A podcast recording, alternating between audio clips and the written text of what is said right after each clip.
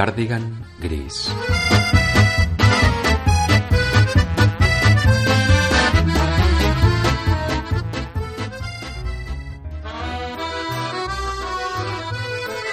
Quan arriba l'hora de retirar el fèretre de l'església, l'Agripina s'acosta al capellà amb una plom poc habitual en un funeral, sobretot donat el paper sobrevingut de vídua i li demana obrir el taüt. El capellà pren les mans de l'Agripina i amb veu suau li ofereix paraules de consol, afirmant que el seu estimat Carlos ara és al costat de Déu.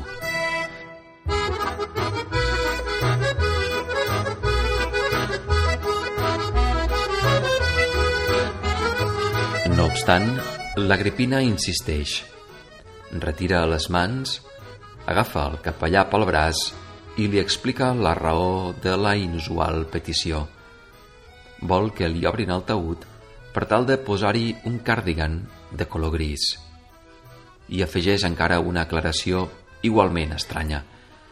Aquest càrdigan gris, que ha deixat doblegat sobre el primer banc de davant de l'altar, no és per al seu estimat Carlos. No la preocupa el confort del seu difunt marit.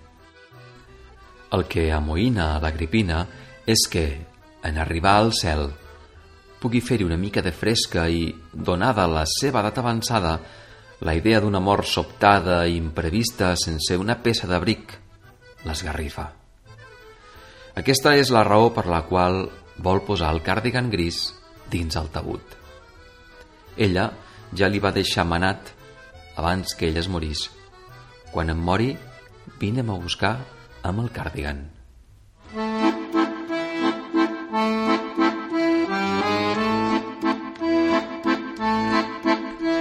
El capellà, ara completament desconcertat, no té més opció que dur a terme el prec de l'Agripina. El taüt s'obre i, amb delicadesa, l'Agripina hi posa el cardigan, tot mantenint la convicció en aquest absurd pretext.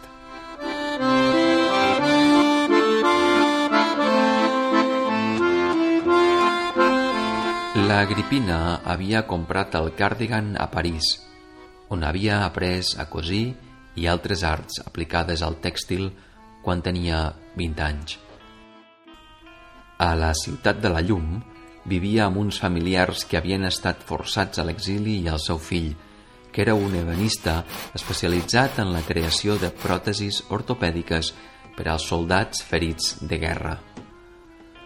Malgrat la seva especialitat, al fill dels exiliats sempre li havia agradat més fabricar i innovar amb les xanques i provar-les. Va ser llavors quan l'Agripina va aprendre a passejar amb elles.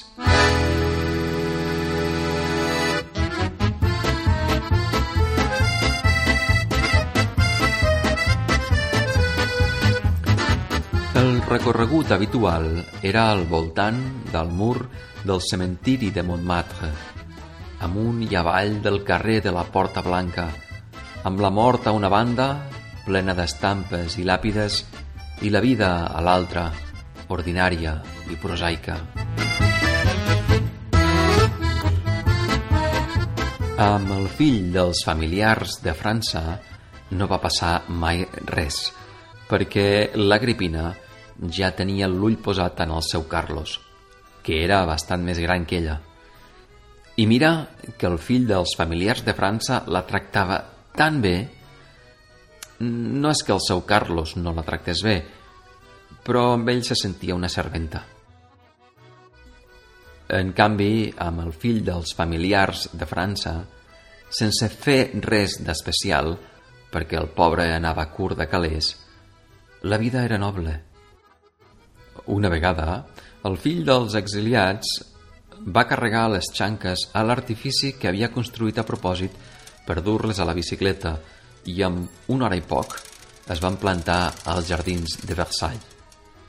Aquella tarda l'Agripina la recorda com si fos ara. Passejar damunt, passejar davall, esdevenint el centre d'atenció entre la bobó parisenca i la rosa, la rosa que li va acollir sense ella donar-se'n, La va conservar una colla d'anys, assecada, és clar. De l'única cosa que es penedeix d'aquella tarda és de no haver passat abans per la perruqueria.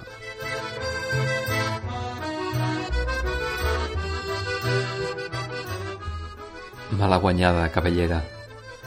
Per cert, ara té hora a la perruqueria, perquè avui és la vigília de la festa major.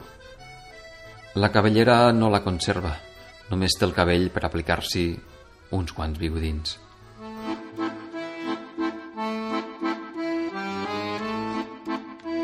Quan l'Agripina arriba a la perruqueria, l'establiment és a petar. Malgrat això, li guarden una cadira al fons. Entra, diu bones tardes i s'hi asseu. Les altres clientes li fan les preguntes clàssiques i ella respon sense entretenir-s'hi gaire.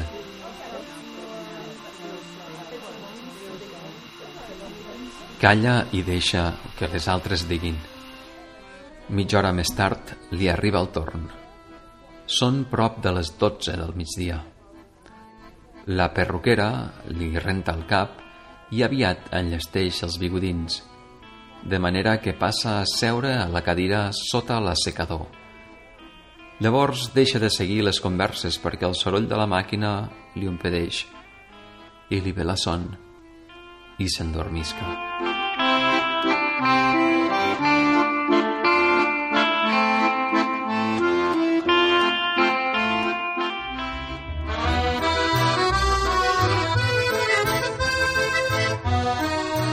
Quan es desperta, la perruqueria està buida.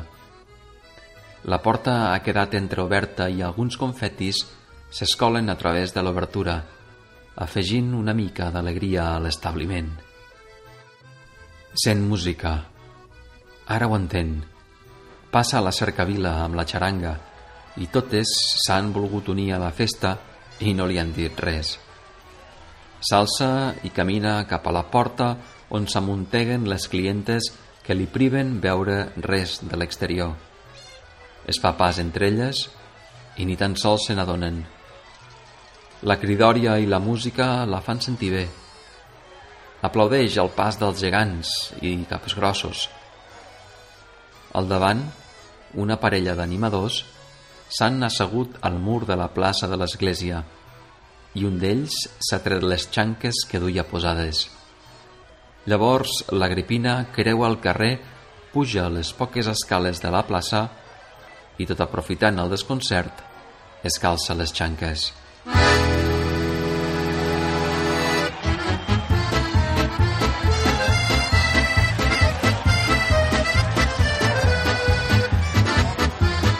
La multitud l'ovaciona.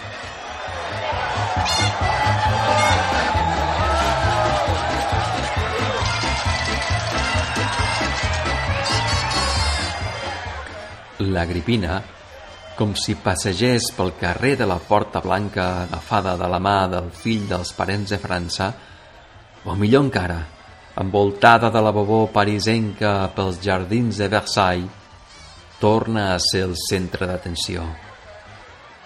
I el fill dels parents de França que no la deixa anar ni un moment, i de cop li sembla que el fill dels parents de França se li posa davant i se li acosta, se li acosta tant que l'Agripina no sap com reaccionar. I en aquell moment, el seu estimat Carlos li ve al pensament. Perd l'equilibri, trontolla i, inevitablement, cau sobre els músics de la xaranga.